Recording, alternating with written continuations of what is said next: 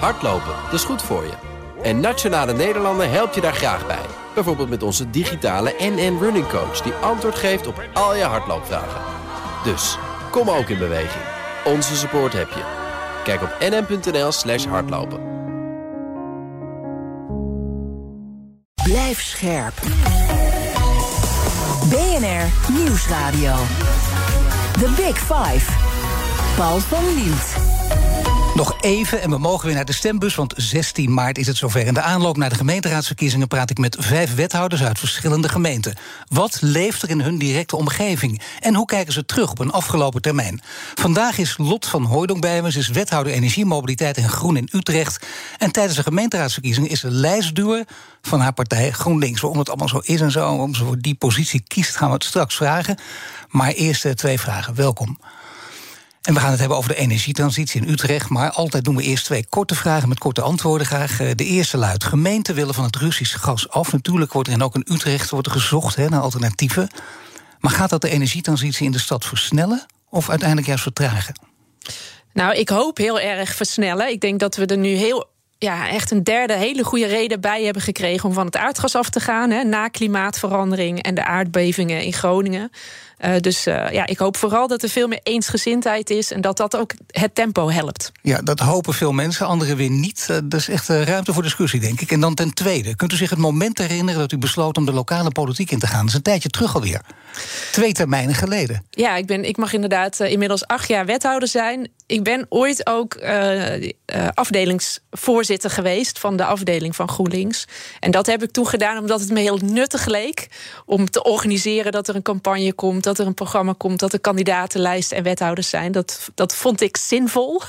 En van daaruit ben ik erin gerold. Oh ja, je, je loopt dat buts op natuurlijk, dat is altijd in het leven. Zeker als je in uh, zo'n positie zit, natuurlijk, waar de kritiek kan komen. Spijt achteraf. En gedacht, nou, dit is wel echt te stevig, had ik eigenlijk nooit moeten doen.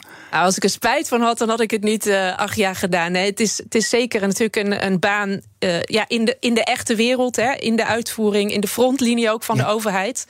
Uh, maar ook zeer de moeite waard uh, om uh, ja, te werken aan je directe omgeving. Nou, de energietransitie, dat is een belangrijk onderwerp, daar gaan we het zo over hebben. Iets waar u als wethouder erg druk mee bent. Maar eerst natuurlijk de oorlog in Oekraïne. En bovendien, heel veel hangt ook met elkaar samen, zullen we ook merken weer in deze uitzending. Die veiligheidsregio's die gaan in eerste instantie 50.000 Oekraïnse vluchtelingen opvangen. Dat is 2000 per veiligheidsregio. Zijn jullie in Utrecht daar volledig klaar voor? Of moet er nog heel veel gebeuren?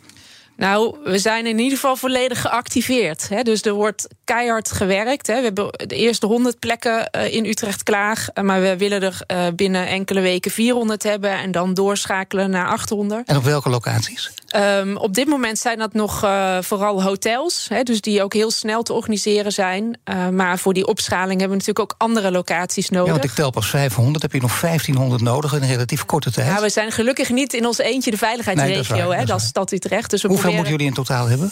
Uh, nou, de veiligheidsregio die valt bij ons samen met de provincie. Uh, eerst duizend, dan nog duizend, dus bij elkaar 2000. En wij proberen daar als stad Utrecht, hè, grootste gemeente natuurlijk van de regio, echt een uh, hele stevige bijdrage in te leveren. Nu is het wel bijzonder, kan ik al zeggen, in deze tijd geldt voor iedereen om aan die gemeenteraadsverkiezingen nu mee te doen. En een gewone verkiezingscampagne te voeren, dat kan bijna niet. Waar, waar zitten de aanpassingen bij jullie? Nou, we blijven natuurlijk wel echt ons verhaal gewoon uh, vertellen in alle eerlijkheid. Want het gaat gewoon ook over de komende vier jaar en de directe omgeving uh, uh, van mensen. Dus we moeten niet vergeten dat we al die verhalen gewoon blijven vertellen. Het, waar er natuurlijk heel erg inderdaad de samenloop zit, is wat je net zelf ook al zei. de ambitie om van het aardgas af te gaan is denk ik nu extra urgent. om energie te besparen. Maar, maar hoe afhankelijk is Utrecht in jullie geval heel duidelijk van het Russisch gas? En van de contracten nou ja, met Gazprom? Als, net als uh, heel Nederland. Hè, want uh, eigenlijk alle leveranciers in Nederland, ook Gazprom, maar ook uh, Green Choice bij wijze van spreken, die kopen hun gas op de termijnmarkt. Ja. En uh, nou ja, ik geloof dat het in Nederland 15% is. Hè, in overige ja. andere Europese landen nog wat meer. Ja, daar, daar zit ook uh, Russisch gas. Maar Utrecht gaf al heel snel aan. Een aantal gemeenten, geloof Utrecht en Den Haag al heel snel. We willen onder die Gazprom-contracten uitkomen. Is dat jullie nu inmiddels al gelukt? In welk stadium zijn jullie? Nou, de, onze gemeenteraad heeft daar vragen over gesteld. Dus wij zijn ons nu vooral ook heel erg aan het verdiepen van wat zijn onze mogelijkheden en wat, wat helpt er dan ook echt. Hè? Want de achterliggende vraag is natuurlijk: waar raak je Rusland mee in hun schatkist? En dat maar goed, die vraag, het is al geroepen. De gemeenteraad heeft al gezegd, we willen er zo snel mogelijk af. We zijn nu toch alweer een ruime week verder. Dus ja, hoe staat het ervoor? Ja, nou, ze hebben vooral die vragen gesteld, dus die gaan wij beantwoorden. en dat is nog niet zo makkelijk, hè? want op het moment dat je van een contract afgaat... wat eigenlijk natuurlijk al eh, juridisch eh, een beetje ingewikkeld is... en je gaat opnieuw aanbesteden... dan heb je bij elke andere leverancier uh, ja, een grote kans dat er uh, Russisch gas door je leidingen uh, komt. en je hebt bovendien onder de huidige regels ook gewoon weer de kans dat je weer opnieuw opgescheept wordt met Als het aan u ligt, zegt u nou, als het kan, wil ik er zo snel mogelijk van af van dat contract? Nou, ik wil vooral van het Russisch aardgas af. Volgens mij zou daar de discussie over moeten gaan. En waarom gaat de discussie daar, met name nu, wat hebben we nu over Utrecht, waarom gaat de discussie daar dan niet vooral over? Ik denk dat, uh, dat dat wat onzichtbaarder is. Hè. Dus althans, deze, deze hele situatie en alle berichtgeving erover, die maakt mensen daar natuurlijk wel hartstikke bewust van. En ik denk dat dat ons kan helpen. Dat zei ik net ook al, om, om echt te zeggen: het gaat ook echt over het van het aardgas afgaan. Hè? Want we hebben eerder nog wel eens discussies gehad. Het gaat niet ook over besparen of over emissies. Ja, dat is ook allemaal belangrijk. Maar ook het goedje zelf. Hè? Dus dat aardgas, dat spul. Daar moeten we vanaf. En we hebben daar denk ik nu een hele goede geopolitieke reden bij gekregen om, om uh, dat echt te willen. En moet je, omdat we willen, ook het klimaatakkoord opnieuw bekijken om sneller daarvan af te komen? Want u zat namens de Nederlandse Vereniging van Nederlandse Gemeenten. Was u een van de onderhandelaars bij dat akkoord?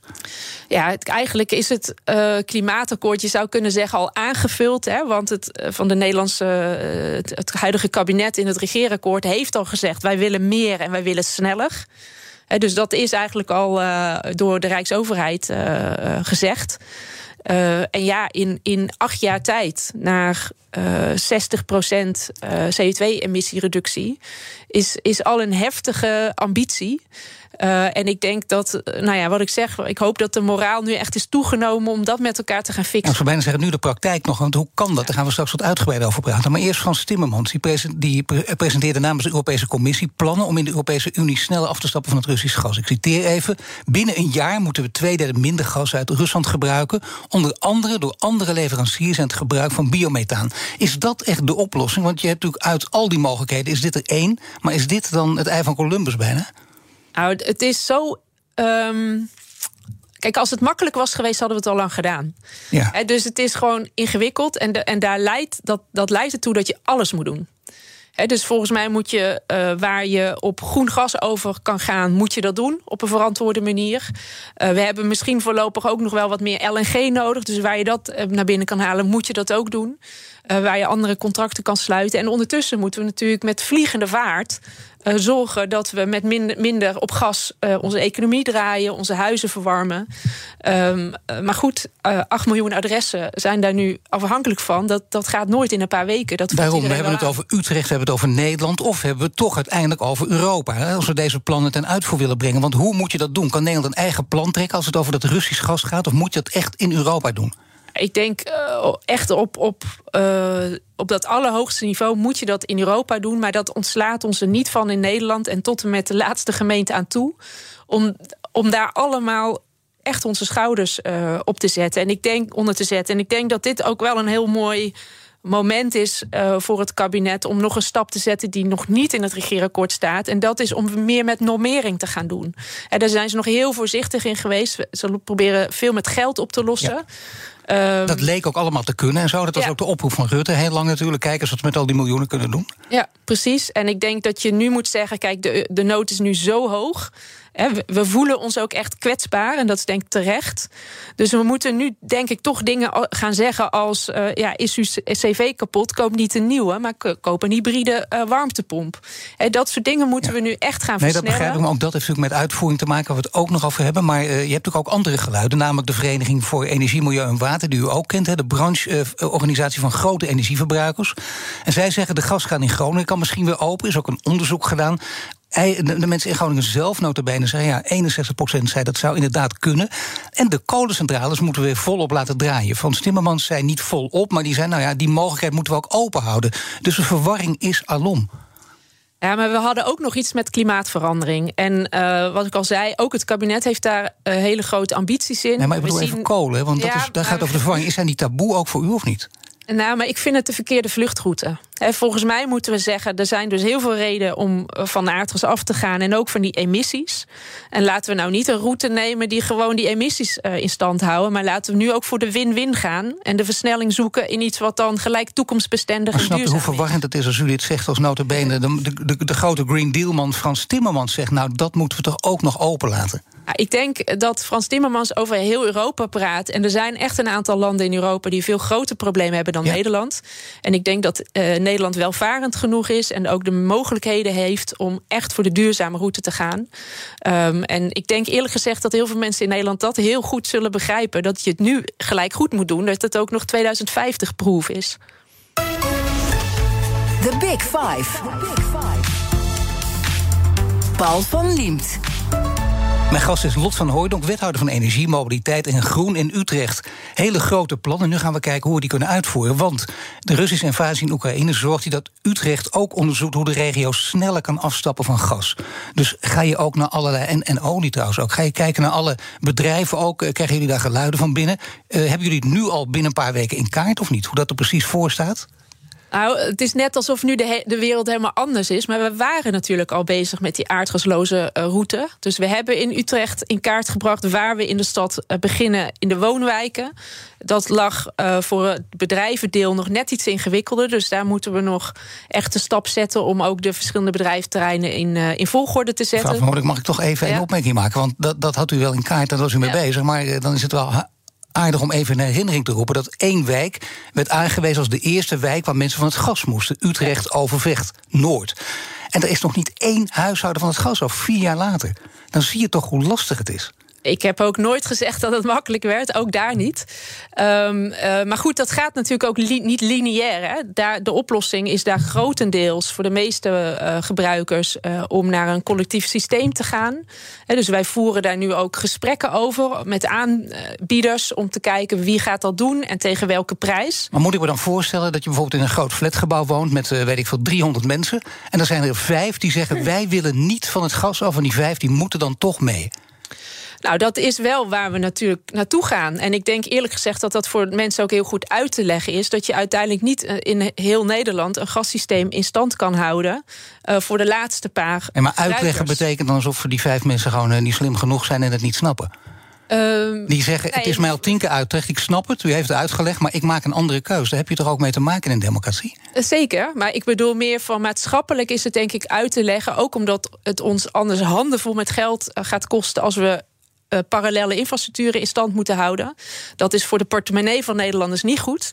En ik denk dat mensen het dan ook zullen begrijpen dat uh, als het een redelijk aanbod is, hè, dus dat, daar begint het natuurlijk mee, dat iedereen er ja tegen moet kunnen zeggen, financieel en anderszins. Um, dat je dan zegt: het is een maatschappelijk uh, doel, in publiek belang dat we niet een heel gassysteem voor de laatste paar gebruikers ja, in stand Nee, ik begrijp het, maar dat is bijna de ideale, ideale wereld natuurlijk, hè, waar je dan in gaat leven. Want dan, dan is het ook niet duurder en dan komt het allemaal goed. Maar jullie hebben juist het voordeel van die proeftuin. Jullie zien waar je tegenaan loopt, daar kunnen anderen misschien ook van leren. En, natuurlijk gaat het niet makkelijk, dat snap ik ook. Maar dan kun je toch leren van wat is gebeurd in, in Overweg Noord, die proeftuin. Waarom het zo lastig is om daar die mensen van het gas af te halen. Maar ik weet niet of we. Kijk, wat we daar vooral leren is dat de condities nog niet op orde zijn. En we zijn ook maar wat zijn de klaar. condities dan? De condities is, de, denk het allerbelangrijkste wat we hebben afgesproken, is dat het voor de overgrote meerderheid, in, afgesproken in het klimaatakkoord bedoel ik dan, voor de overgrote meerderheid binnen de woonlasten kan. Dat is heel belangrijk. Um, um, uh, dus dat gaat gewoon uiteindelijk over de business case. Uh, wet en regelgeving moeten komen. Waar u net over had, dat wordt nu allemaal in wetgeving gevat. Hè, ja. Maar die wetgeving is er nog niet. Dan ben je echt afhankelijk van het Rijk. Daar gaat Zeker, wij maken zelf ja, de wetten natuurlijk niet. Hè, dus nee, maar dat wordt vaak alleen... onderschat. Dat je denkt, dat kan, dit kun je, want het gaat nu over de gemeenteraadsverkiezingen. Maar hier heb je wel degelijk heel hard het Rijk zelfs bij nodig. Zonder die, met het lelijke woord randvoorwaarden van het Rijk kan het gewoon niet. Nee, dat klopt. En wij kunnen natuurlijk voorwerk doen. Hè. Dat hebben we ook massaal gedaan. Bijna alle gemeenten hebben een warmteplan gemaakt voor hun uh, gemeente. Zoals we hebben afgesproken, ook weer in dat klimaatakkoord. Wij ook gedaan in Utrecht. Maar je kan pas echt tot uitvoering overgaan als wet en regel is, uh, regelgeving is aangepast. Als gemeente daar ook de middelen voor krijgen. Hè. Dat is gewoon een grote taak die wij op ons potje zien.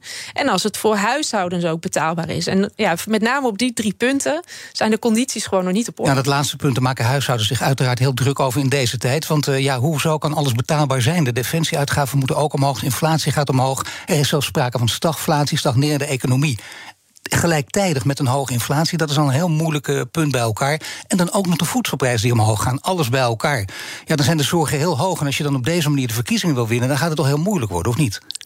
Ja, maar de prijzen voor de aardgas zijn ook heel hoog. Dus ik weet ook niet of je mensen er nou per se een dienst mee bewijst om, uh, om hen afhankelijk te houden van iets wat ook heel duur is. En dus ja, maar de alternatieven voor aardgas, het is toch aan elkaar gekoppeld? Dus ja, nog wel. Dus dat is een van die dingen die we ook moeten veranderen. En die ook op het bordje van het Rijk. Uh, dat is wel een, echt een hele grote natuurlijk, hè, deze discussie. Van, en hoe, hoe krijg je dat voor elkaar? Want dat, dat kun je natuurlijk ook van leren. Want dat heb je meegemaakt. Die discussie wordt al langer gevoerd. Die wordt nu op de spits gedreven. Hoe ga je dat ontbinden?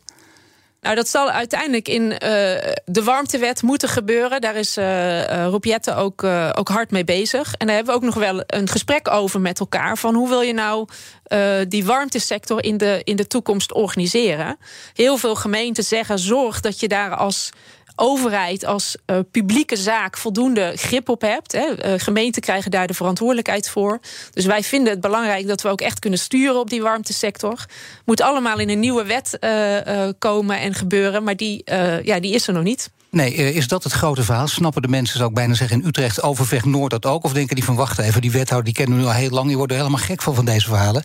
Want uh, wij zijn in onzekerheid, in voortdurende onzekerheid... en we willen ook niet de eerste zijn. We willen geen proeftuin zijn. Dat is ook niet zo prettig, zeker niet in deze tijd nou, het, mooie aan mensen is dat ze allemaal verschillend zijn. Dus mensen reageren er natuurlijk ook, uh, ook verschillend op. Nou, wordt op Twitter wel heel hard aangepakt. En niet een beetje. Dat gaat echt een. Uh, wat, gaat er over je heen? Het is een soort uh, een haatuitbarsting. Of vindt u het al meevallen? Ik vind het uh, in Overweg Noord zeker heel erg meevallen. We hebben pas geleden geoefend bijvoorbeeld met elektrisch koken. En dan zijn er heel veel mensen die zich aanmelden... die heel graag die overstap uh, maken. Alleen wat mensen zeggen, en dat is denk ik terecht... het moet wel betaalbaar zijn. Hè? Dus daar doen wij ons stinkende best voor... dat ja, we een betaalbaar en betrouwbaar. Maar het mooie lijkt mij, ik probeer me te verplaatsen... als ik nu in de situatie zit, wil ik toch ook wel... tenminste die zekerheid hebben.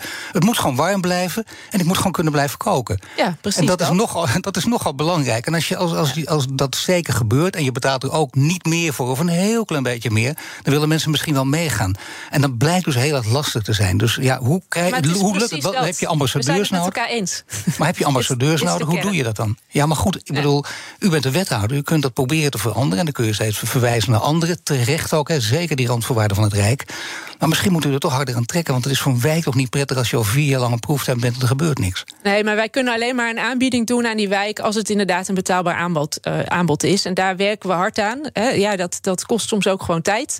Hè, dus nu lopen er, we hebben alle onderzoeken gedaan, we hebben heel veel met mensen gesproken.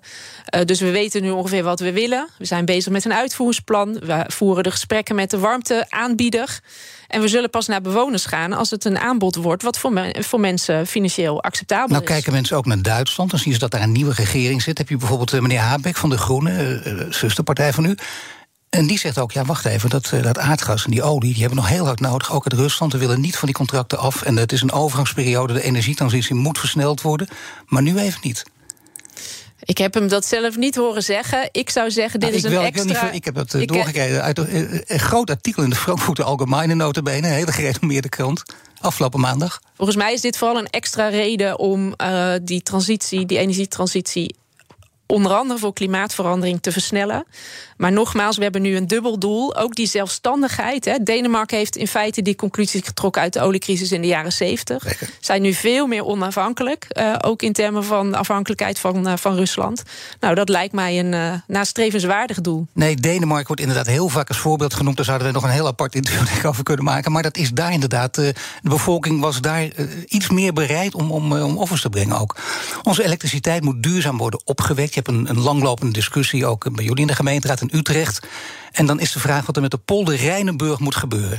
dat wordt een heel mooi groot bosrijk moet dat zijn, energielandschap. Of moet je daar juist grootschalige woningbouw neerzetten? Want ja, ontwikkelaars hebben daar ook nog allerlei belangen. Uh, die willen daar ook flink gaan bouwen. En daar zie je ook duidelijk verschillen tussen de partijen. En dan zie ik bijvoorbeeld, om het simpel te maken... dat zie je in alle krantartikelen voorbij lopen. Als het te simpel is, moet u het maar zeggen. Maar GroenLinks wil eigenlijk... Uh, ja, die wil daar uh, een roeibaan, een zwemplas, windmolens. D66 zegt dat willen wij ook. Maar daarnaast willen we ook dat er woningen komen, dat er ook gebouwd wordt in die polder. En wat is uw standpunt? Nou, we hebben vooral altijd een discussie over waar kun je nou het beste woningen bouwen. Want eigenlijk praktisch alle partijen in Utrecht, misschien niet de Partij voor de Dieren, maar eigenlijk alle andere partijen in Utrecht zijn het wel met elkaar over eens dat er een woningnood is. En dat we fors moeten bouwen. En daar wordt meestal het getal van 60.000 in 2040 aangeplakt. Dus daar hebben we eigenlijk geen discussie over. Dat wil iedereen. Nee, maar ik wil, dat wil ik gewoon niet weten. Maar ik vraag het echt over, over, dit, over deze polder. Vervolgens is de vraag, waar moeten die woningen dan komen? En dat is eigenlijk de discussie. Maar wat vindt u? En GroenLinks zegt, en daar hebben wij ook als college de afgelopen tijd uh, aan gewerkt... dat zou je moeten willen rondom OV-knooppunten. En dat is dus niet in een verre polder... maar dat is juist dichtbij of in de stad. En dat is waar wij de afgelopen vier jaar plannen voor hebben dus gemaakt. Dus niet in die polder Rijnenburg. En die polder Rijnenburg zegt u niet bouwen. Nee, dat is ook niet waar er plannen voor zijn gemaakt. Hè. Dus maar D66 hebben... wil dat wel. Jullie zitten samen in die gemeenteraad. Ja. En het is een grote strijd wie van de twee gaat winnen. Dat weet ja. je niet. Dubbeltje op zijn kant, dat kan alle kanten nog op. Maar uh, waar zit dan het grote verschil? Want jullie proberen elkaar te overtuigen. Je leek gelijk op te trekken, maar het bepaalt niet het geval. En dit is nogal een punt. Ja, dus wij, ja, ik vind dat binnenstedelijk bouwen en rondom OV-knooppunten bouwen heel verstandig. Dat zeggen eigenlijk ook alle deskundigen, dus dat vind ik zelf ook. En dat is gelukkig ook wat er op tafel ligt, wat we met de regio, de provincie, de Rijksoverheid hebben afgesproken. En waar we ook de afgelopen jaren plannen voor hebben ontwikkeld. Maar u zegt als je op GroenLinks gaat stemmen in Utrecht, dan is het heel zeker dat er in die polder niet gebouwd gaat worden. Ja, dat is wat wij in ieder geval niet willen. En, maar als je op uh, D66 gaat stemmen, dan weet je, dan wordt er ook in de polder gebouwd. Dat is een deel van de polder. En de komt ook uh, vol, zegt D66 ook. Wordt mooi groen en duurzaam, precies zoals je het wil. Alleen er komen ook wat woningen. En dat is een, een betere en hybride oplossing. Neigt u daar ook langzamerhand een beetje naar, omdat u lang in die raad zit, veel met de mensen omgaat? Of zegt u nee, ik hou me vast aan dat andere standpunt? Want er zijn inderdaad andere plekken. Ja, precies. Er is uh, rondom uh, OV-knooppunten, die we ook nog moeten gaan maken voor een deel, uh, is nog voldoende ruimte en dat is veel verstandiger. Waarom kan dat niet in die polder? Tenminste, niet in de hele polder, uiteraard, maar op bepaalde plekken. Want dat is ook wel heel mooi als je daar woont. nou, ik denk dat we in Nederland sowieso heel zuinig moeten zijn op onze groene buitenruimte. Hè, want die verliezen we in, in hoog tempo. Het is ook onmogelijk om er geen autowijk van te maken. Hè, want het ligt echt naast de snelweg. De snelweg zit al heel vol. Zullen heel veel BNR luisteraars ook weten. Die Zeker. luisteren hier wel eens naar, denk ik, vanuit de file. Ja. He, dus de ring Utrecht is groot, een groot vraagstuk uh, wat dat betreft. Het is op allerlei mogelijke manieren minder duurzaam. He, voor uh, ecologie, uh, voor het watersysteem. Waterschap heeft daar ook heel erg voor gewaarschuwd. He. Doe het niet. Ja. Want we hebben de, de, dit soort gebieden ook hard nodig voor momenten van extreem weer om water te bergen. Dus er zijn heel veel redenen, denk ik, om het niet te doen. En het is voor de stad veel beter om echt in de stad uh, te investeren. Zodat ook de bestaande bewoners mee profiteren van goede OV-voorzieningen. En een stad die gewoon bij de tijd is en waarin wordt geïnvesteerd.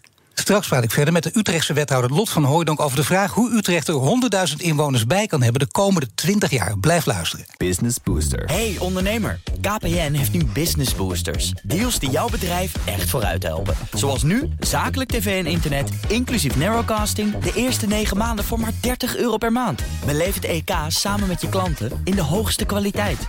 Kijk op kpn.com slash businessbooster. Business Booster. Blijf scherp. BNR Nieuwsradio. The Big Five. Paul van Liemt. Welkom bij tweede half uur. Deze week spreek ik met vijf wethouders uit verschillende gemeenten. Eerder deze week sprak ik met Stijn Steenbakkers. Hij is wethouder in Eindhoven over economische spionage bij hardtech-bedrijven in de regio. Allemaal terug te luisteren via de BNR-app. De gast is Lot van Hooijdonks, is wethouder van Energiemobiliteit en Groen in Utrecht. Komend half uur wil ik in ieder geval nog twee onderwerpen met u bespreken. Namelijk of GroenLinks in Utrecht weer kans maakt op een overwinning. En of het huidige OV-netwerk de enorme groei van Utrecht nog wel aan kan. En laten we met het laatste beginnen. Tot 2040, ik citeer nu ook maar weer even, komen er naar schatting zo'n 100.000 inwoners bij. En dat is behoorlijk veel. Uh, kan de stad dat aan of zeggen jullie van nou nee, dat is echt te veel. Uh, die kunnen beter uh, naar andere steden verhuizen? Nee, wij de denken dat de stad dat aan kan, maar dat daar wel uh, forse investeringen voor nodig zijn. En zoals je zelf al zei, zeker in het openbaar vervoer. Als ik het scherp zeg, dan, uh, dan hebben wij eigenlijk nu nog het openbaar vervoer van een provinciestadje.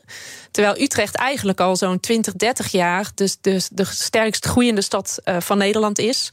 En ja, op weg is naar verdubbeling. Stel dat u het helemaal voor het zeggen had, wat GroenLinks echt kon doen wat ze wilde in Utrecht. Wat zou er dan gebeuren? Alle auto's weg en dan echt alleen maar openbaar vervoer in de stad? Nee, niet alle auto's weg. Maar wat we hebben voorgesteld en wat we ook aan het uitwerken zijn. Ik ga er toevallig vandaag nog met, of morgen met de gemeenteraad over spreken. Nou, vertel dat. Uh. Dat is wat wij het wiel met spaken noemen. Hè, want we hebben een heel groot, mooi uh, intercity station in Utrecht. Grootste van Nederland.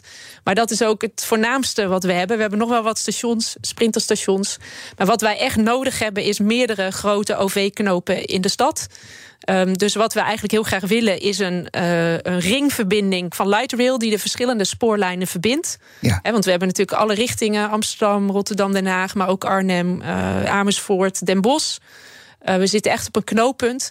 En we willen eigenlijk op veel meer plekken overstappunten uh, creëren. Voor en heet dat geheel dan uh, het wiel met spaken? Wij noemen dat het wiel met spaken. We zijn ook echt een fietsstad. Dus dat is een metafoor die in Utrecht nou, bekendheid heeft. Dan kun je de fiets ook goed kwijt dan overal? Want, nou, dat is zelfs een heel mooi systeem om het aan elkaar te verbinden. We hebben ook hele mooie grote fietsenstallingen gebouwd rondom Centraal Station. Dus die verbinding tussen fietsen en dan het OV nemen... die is in Utrecht heel sterk groeiend en ook heel populair. Nou, dat willen we niet alleen op Utrecht Centraal... maar willen we ook bijvoorbeeld bij een station als Lunette Koningsweg, wat een nieuw station zou zijn. Maar ook bijvoorbeeld bij Westraven, dat zou dan een lightrail knooppunt moeten zijn. Um, dus dat is wat wij heel graag Groot willen. ambitieus plan. Ja, uh, dat kost dus ook enorm veel gedoe. Dat, dat weet iedereen. We zullen daar nog eens uh, iets uit het verleden erbij halen om aan te geven hoe lastig het is. Maar dat betekent dus ook, uh, dit is al gepland. Hoeveel miljoen gaat dit kosten? Wordt dit een miljardenproject? Het gaat alles bij elkaar zeker miljarden kosten. En mooier kan ik het uh, niet maken. Dus uh, nou ja, zo'n eerste stap, uh, dat denken wij aan 2,5 miljard ongeveer. Maar goed, het is wel. Uh, uh, nou, als je kijkt naar bijvoorbeeld Leidse Rijn, hè, wat onze, de, de vorige 100.000 bewoners, die zijn eigenlijk in Leidse Rijn uh, geland. Dat was ook niet gratis. Hè. Daarvoor is de A2 overkapt, zijn drie stations gemaakt, busbanen aangelegd. Dus je kunt eigenlijk niet verwachten dat je 100.000 mensen extra in je stad nee. kan opvangen en dat dat zomaar allemaal gratis kan. Nee, dus dat, dat begrijp ik. Dat begrijp ik. Maar er is dus van alles nodig. Dan heb je dit soort grote plannen ook nodig. Die, die gaan wel over jaren heen, ook over termijnen van politici. En dat is het lastig. Hè? Dat veel uh, wethouders, maar natuurlijk ook, die, die zijn er ook vaak bijvoorbeeld vier jaar. Die denken, nou, vier jaar wil ik ook een standpunt voor mezelf creëren. Ik overdrijf even. Maar dat betekent wel dat, uh, ja, dan, dan kijk je niet naar de lange termijn. De eeuwige roep eigenlijk in een democratie. Hoe moeten we dat oplossen? Nou, dit gaat natuurlijk bij uitstek over de lange termijn. Hè. Dus wat wij hiermee zeggen. Maar dat is, bedoel ik, dat hebben ja, politici niet is, voor in de wieg is, gelegd. Nou ja, ik probeer dat toch echt elke dag te doen. En het mooie is wel dat we dit echt samen met de provincie Utrecht doen. Hè. Dus ook alle onderzoeken. Uh, zij zijn bij ons de, de verantwoordelijke voor het openbaar vervoer.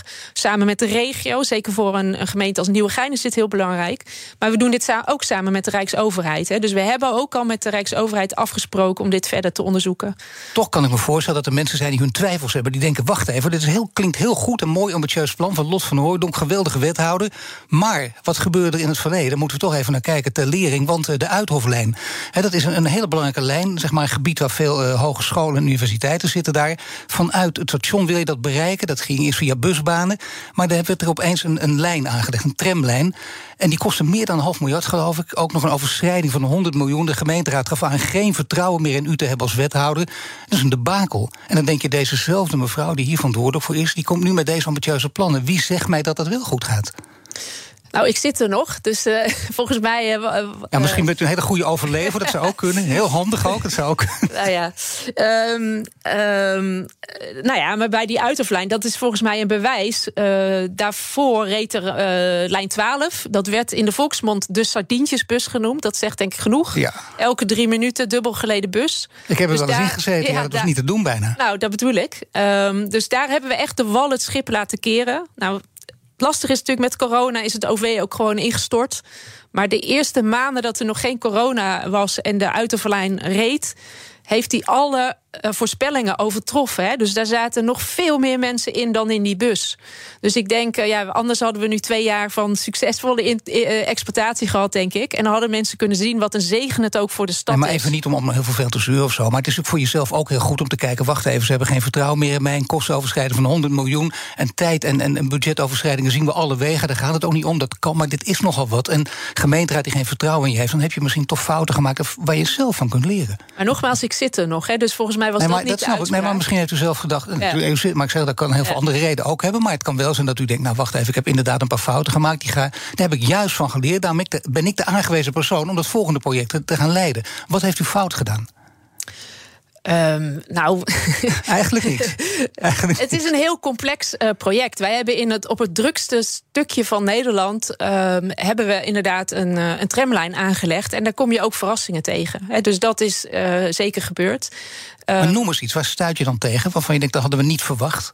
Um, nou, om twee dingen te noemen. Er, zat bijvoorbeeld uh, in het stationsgebied zaten er dingen onder de grond die wij niet. Uh, waarvan we dat van tevoren niet wisten. Hè, dus delen van de fundering van het Centraal Station en Hoog Katerijnen. En een ander voorbeeld. Dat is vergelijkbaar de, met, uh, misschien flauw, maar toch met een huis verbouwen. En dat wist je ook niet. Dat kan voorkomen. Ja, dat had je niet voor kunnen zijn door beter nee, onderzoek te doen? Ik, ik ben wethouder mobiliteit, dus ik doe heel veel. Dat zijn natuurlijk veel kleinere projecten, herinrichtingen. Ja. En het komt regelmatig voor dat de ondergrond toch anders in elkaar zit dan je, dan je denkt. Uh, een andere belangrijke samenloop was uh, hè, mensen die er wat vaker komen, die, die zullen ook weten dat er flink verbouwd is uh, rondom het station. Dat we nu zo'n mooi bollendak hebben. Nou, dat is op de plek waar vroeger de patatgoot was. En die moest afgebroken worden, onder andere ook om een pilaar te ver, uh, verwijderen waar de uitoflijn langs moest. Nou, dat soort samenlopen van allerlei projecten, dat was een, uh, ja, een hele ingewikkelde 3D-puzzel. Als u het zo zet, dan kun je eigenlijk niks van leren. Dan zegt u dat, dat ging eigenlijk buiten mij om. Ik kon er niks aan doen. Maar het is toch altijd heel logisch en goed. Juist ook in een leidinggevende functie als wethouder. Dat je ook terugkijkt en zegt: dit heb ik niet goed gedaan. Daar kan ik van leren. Nou ja, ik probeer vooral iets te zeggen over complexiteit. Uh, en ik denk de, de volgende keer zal het ook weer complex zijn. Hè? Want dan komen we ook weer in dat gebied van het uh, Centraal Station. En natuurlijk hebben we ervan geleerd, hè? wij als gemeente, maar ook vanuit de provincie. Maar ook mensen, hoe je mensen bijvoorbeeld moet aansturen, hoe je je plannen duidelijker voor het voetlicht kunt brengen. Ik noem maar wat. Ik bedoel, dat is toch niet. De zelfkritiek is wel heel goed ook. Even de spiegel kijken en daarvan leren. Ja, nou, ik heb er uiteraard van geleerd. Alleen ik maar denk, wat dan? Uh, nou ja, een van de dingen die we op een gegeven moment hebben geïntroduceerd is om. Um, um, ja, ik, ik word nu een beetje technisch, maar je, je, hebt een, uh, je kunt een planning communiceren waar je heel duidelijk in laat zien. Dat noemen ze dan probabilistisch. Waar je heel duidelijk de, de relatie met de risico's laat zien. Ja. Want je kunt je voorstellen dat het sneller kan gaan of langzamer. Afhankelijk van welke risico's wel of niet optreden. Nou, dat zijn we op een gegeven moment veel duidelijker gaan doen. Zodat ook bijvoorbeeld de gemeenteraad weet: oké, okay, het kan ja. meevallen, het kan ook een beetje tegenvallen. Maar die scenario's die liggen dan in ieder geval allebei op tafel. Goed, het nieuwe idee voor Utrecht is geloof ik een metro misschien ook wel neerzetten. Een ondergrondse verbinding, dat is ook belangrijk. Hè? Ik, ik zie u ja knikken, dus het gebeurt ook. En bovendien, tram is het, ja. Ondergrondse ja. tram. En dan ook uh, een 10 minuten stad moet je worden. Dus je moet van overal, moet je eigenlijk zonder op, op tijden te hoeven letten... kun je gewoon net openbaar vervoer stappen. Dat is het ideale verhaal. En ook vooral uh, lopen en fietsend uh, heel veel voorzieningen dichtbij bereiken. Dat is ook wat we heel graag willen. Mijn gasten stellen elkaar vragen via de kettingvraag. In de vorige aflevering was hier de Amsterdamse wethouder Marjolein Moorman. En ze heeft deze vraag voor u ik ben natuurlijk heel veel bezig met gelijke kansen en het bestrijden van ongelijkheid hier in Amsterdam. Ik ben benieuwd hoe Lot kijkt naar de combinatie van mobiliteit en het bieden van gelijke kansen. Ligt daar een relatie en hoe zou zij daaraan willen werken? Nou, ja, ik, kijk, wij zijn denk ik echt een fietsstad. Um, ik ben ook dol op fietsen. En een van Amsterdam de redenen... toch ook, waar Marjolein Moorman zit? Nou, ik denk dat wij het van Amsterdam winnen. Maar dat, uh, dat is een andere strijd. um, nee, maar fietsen is echt geweldig. En ik denk dat wij dat in Nederland wel eens onderschatten... omdat het overal om ons heen is. Maar even twee voorbeelden daarover. Um, als je in, Amsterdam, of in Amerika een kind of een jongere bent van 17... of nou ja, afhankelijk van welke staat je woont...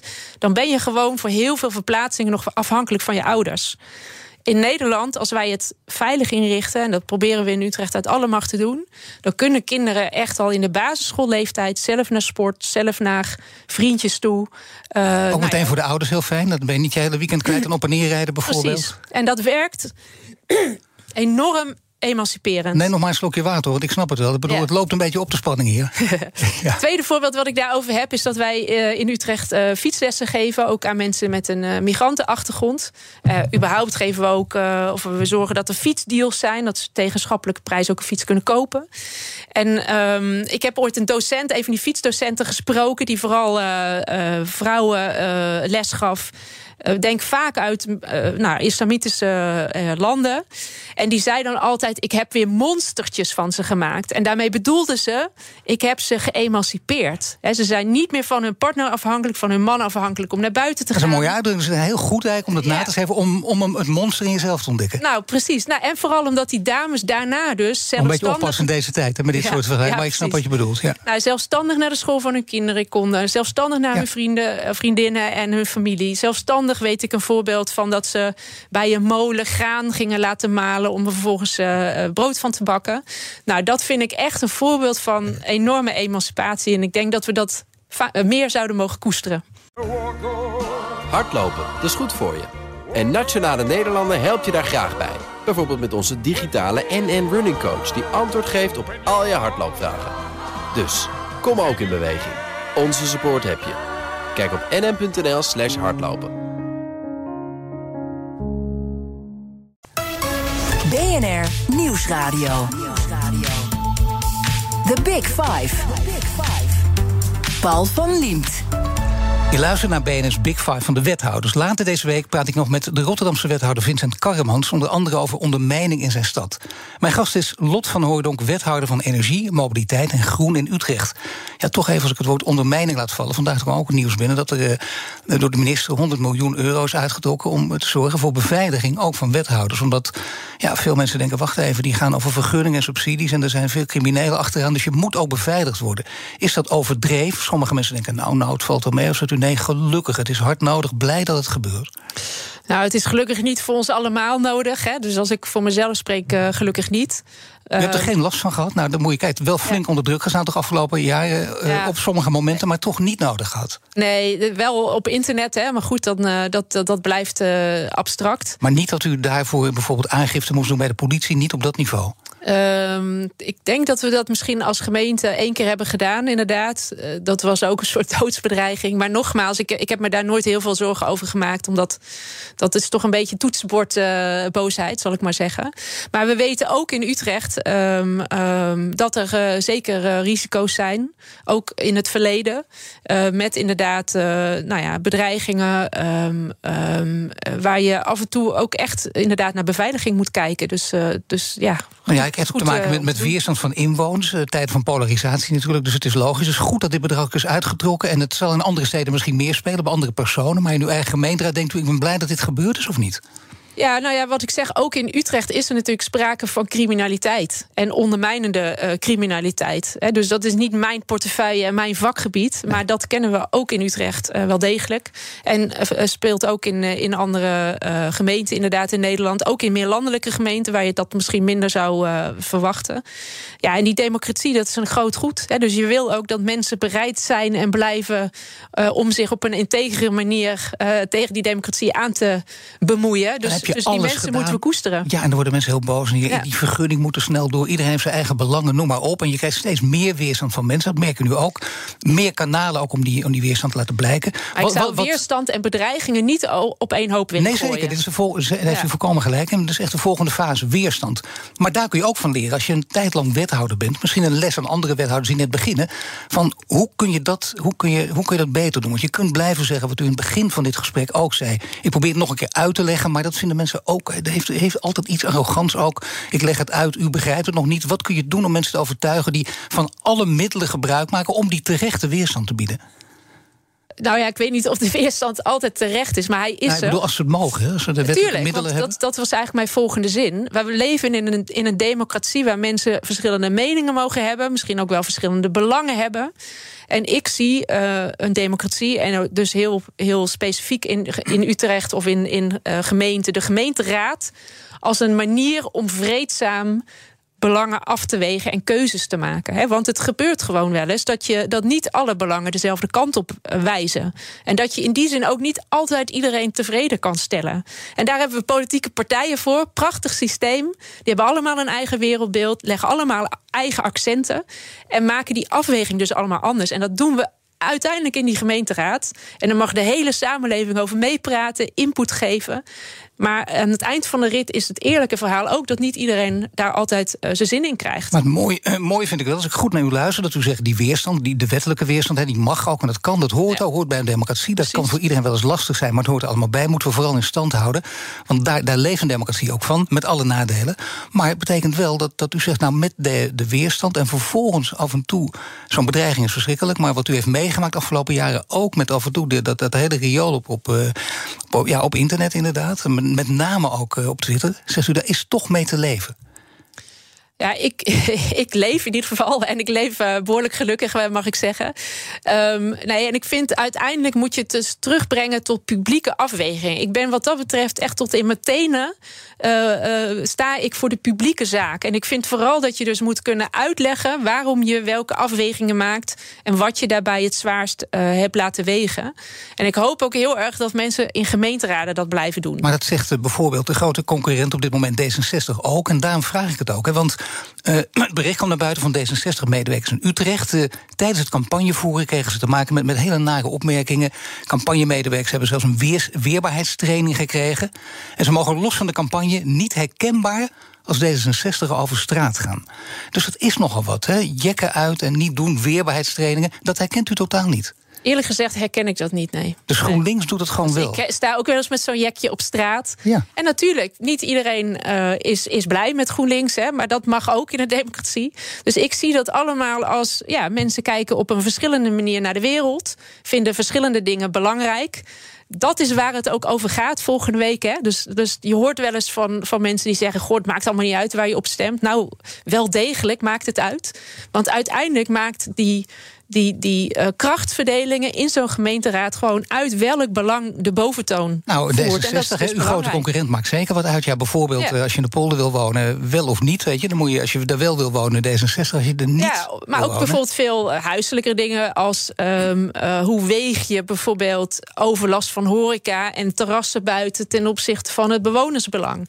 Nou, D66 is klassiek een partij die heel erg voor die horeca gaat. Ja. GroenLinks is klassieke partij die zegt, nou, misschien uh, mogen die bewoners er ook wel zijn. Geen terrassen. Dus, nou, of in ieder geval niet uh, uh, grenzeloze uitbreiding. Hè? Dus dat je, daar wel, dat je dat wel heel goed weegt. Nee. Dat zijn allemaal dingen waar het in een gemeenteraad over nee, maar dit gaat. Zijn, heeft u gelijk, dit zijn de normale discussies die je voert, ja. ook gewoon als, als er eigenlijk niets aan de hand is. Maar ja, het zijn nu toch wat, wat andere tijden. Dat merk je aan D66. Maar het valt me echt op hoor, serieus.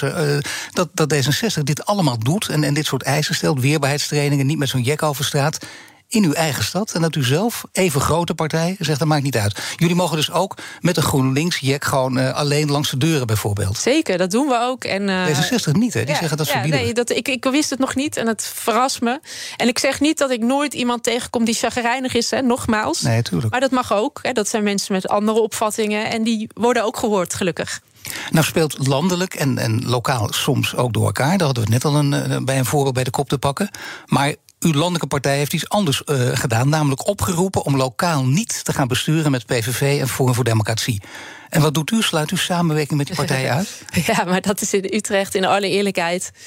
Uh, een beetje een overbodige opmerking. BVV één zetel. Precies. Maar je weet het ja. nooit. De ChristenUnie is ook niet zo groot. Zit nu ook bij jullie in de raad. Ja, ja, nee, maar ik denk, weet je, ik hoef daar helemaal geen hele grote woorden voor te gebruiken. Maar dat is wel een principiële stellingname. Tuurlijk, maar hij is zo ver van ons vandaan in Utrecht. Uh, maar laat ik het anders zeggen. Weet je wij, nooit, kiezen, wij kiezen natuurlijk partijen die dicht, of althans, dat is waar onze voorkeur ligt, die dicht uh, bij ons staan. En uh, ja, dit is een beetje het verst verwijderd waar je, waar je maar kan zijn. Dan werd GroenLinks het grootst bij de laatste gemeenteraadsverkiezingen. Alle peilingen die je nu ziet, die wijzen op een nek-aan-nek race tussen D66 en GroenLinks. Uh, waar baseert u op dat uw partij het nu gaat winnen? Want dan zie je precies waar dat ligt ook. Dat zal bij u toch ook door allerlei medewerkers en sprintdokters worden uitgerekend en bekeken. Nou, ik heb geen glazen bol, dus ik weet het niet. Hè. Bij de laatste peiling uh, waren, was GroenLinks inderdaad de grootste. Maar inderdaad uh, op, op korte afstand van D66. Um, dat is ook het stuivertje wat we de laatste paar verkiezingen wisselen met elkaar. Ja, wij kiezen natuurlijk. Uh, we hebben een sociale pro profiel, een duurzame profiel, dat mag duidelijk zijn. En wij kiezen ook in de partners die we zoeken, natuurlijk die sociale en, en duurzame partijen. En een wethouder die er acht jaar zit en die kiest ervoor om lijstduur te zijn. Betekent dat het begin van het einde? Dat u zegt van nou, ik hoef niet per se nog een termijn, want acht jaar is eigenlijk wel mooi op zo'n plek? Ik was vier jaar geleden ook lijstduur. Sterker nog, ik heb nog nooit hoog op de lijst gestaan. Ik heb Waarom ook, is dat? Ik heb nog nooit in de raad gezeten en ook niet. U wil gewoon niet in de raad zitten? Nee, nee. Nee. Hoe komt dat? U bent echt meer een bestuurder. Precies, ja. Weet je, zeg maar, de, de Wopke Hoekstra. nou, ik zou me voor al het overige niet met Wopke Hoekstra... nou, op dit gebied wel dan. Ja, maar ik ben Vindt u half zo groot en eh, blond en vrouw. Maar, Maar, geme- maar waarom, ja. vindt u, waarom vindt u dan gemeenteraad eh, of raadslid niet zo interessant? Ehm, nou, het is gewoon niet mijn stijl. Ik, eh, ik ben echt, eh, ik voel me een bestuurder en dat heb ik ook acht jaar met heel Dus veel straks plezier van gedaan. nog vier jaar wethouder als u wordt gekozen. Eh, het het zou kunnen, wie weet. Ja. U zou het wel willen. Ehm, nou, we zijn daar nog echt over in overleg. Kan alle weet wat je zelf uit. Ja. Vlak voor de verkiezingen weet je toch wat je zelf wil? Nee, dat kijk ik nog. Ik kijk het nog even aan. Dat is duidelijk. Mijn gasten, althans helemaal niet duidelijk. Mijn gasten stellen elkaar vragen via de kettingvraag. En u mag een vraag stellen aan de volgende gast. Dat is Robert van Asten, hij is wethouder in Den Haag. Wat zou u aan hem willen vragen? Ja, dat vind ik heel leuk, want ik heb eh afgelopen vier jaar ook goed met Robert samengewerkt. Allebei eh, wethouder mobiliteit. En we hebben als G4 eh, collectief ons echt hard gemaakt voor de 30 kilometer als norm. Eh, en dat heeft ook Robert gedaan, heeft veel aan verkeersveiligheid gedaan. En mijn vraag aan hem is: eh, zou het denkbaar zijn, ook in Den Haag, dat je zelfs misschien nog iets verder zou kunnen gaan dan 30 kilometer en ook nog kansen ziet voor eh, woonerven? En dat is dan 15 kilometer per uur. Dat is nog beter voor de veiligheid. En dan kunnen wel kinderen buiten spelen en zo. Ik ben benieuwd of hij daar kansen voor ziet in Den Haag. Oké, hartelijk dank. Lot van Hooijdonk, wethouder van Energie, Mobiliteit en Groen in Utrecht. Alle afleveringen van BNR's Big Five zijn terug te luisteren. Je vindt de podcast in de BNR-app en op bnr.nl. En nu Iwan Verrips met BNR Breed. Dag. Hardlopen, dat is goed voor je. En Nationale Nederlanden helpt je daar graag bij. Bijvoorbeeld met onze digitale NN Running Coach... die antwoord geeft op al je hardloopvragen. Dus, kom ook in beweging. Onze support heb je. Kijk op nn.nl slash hardlopen.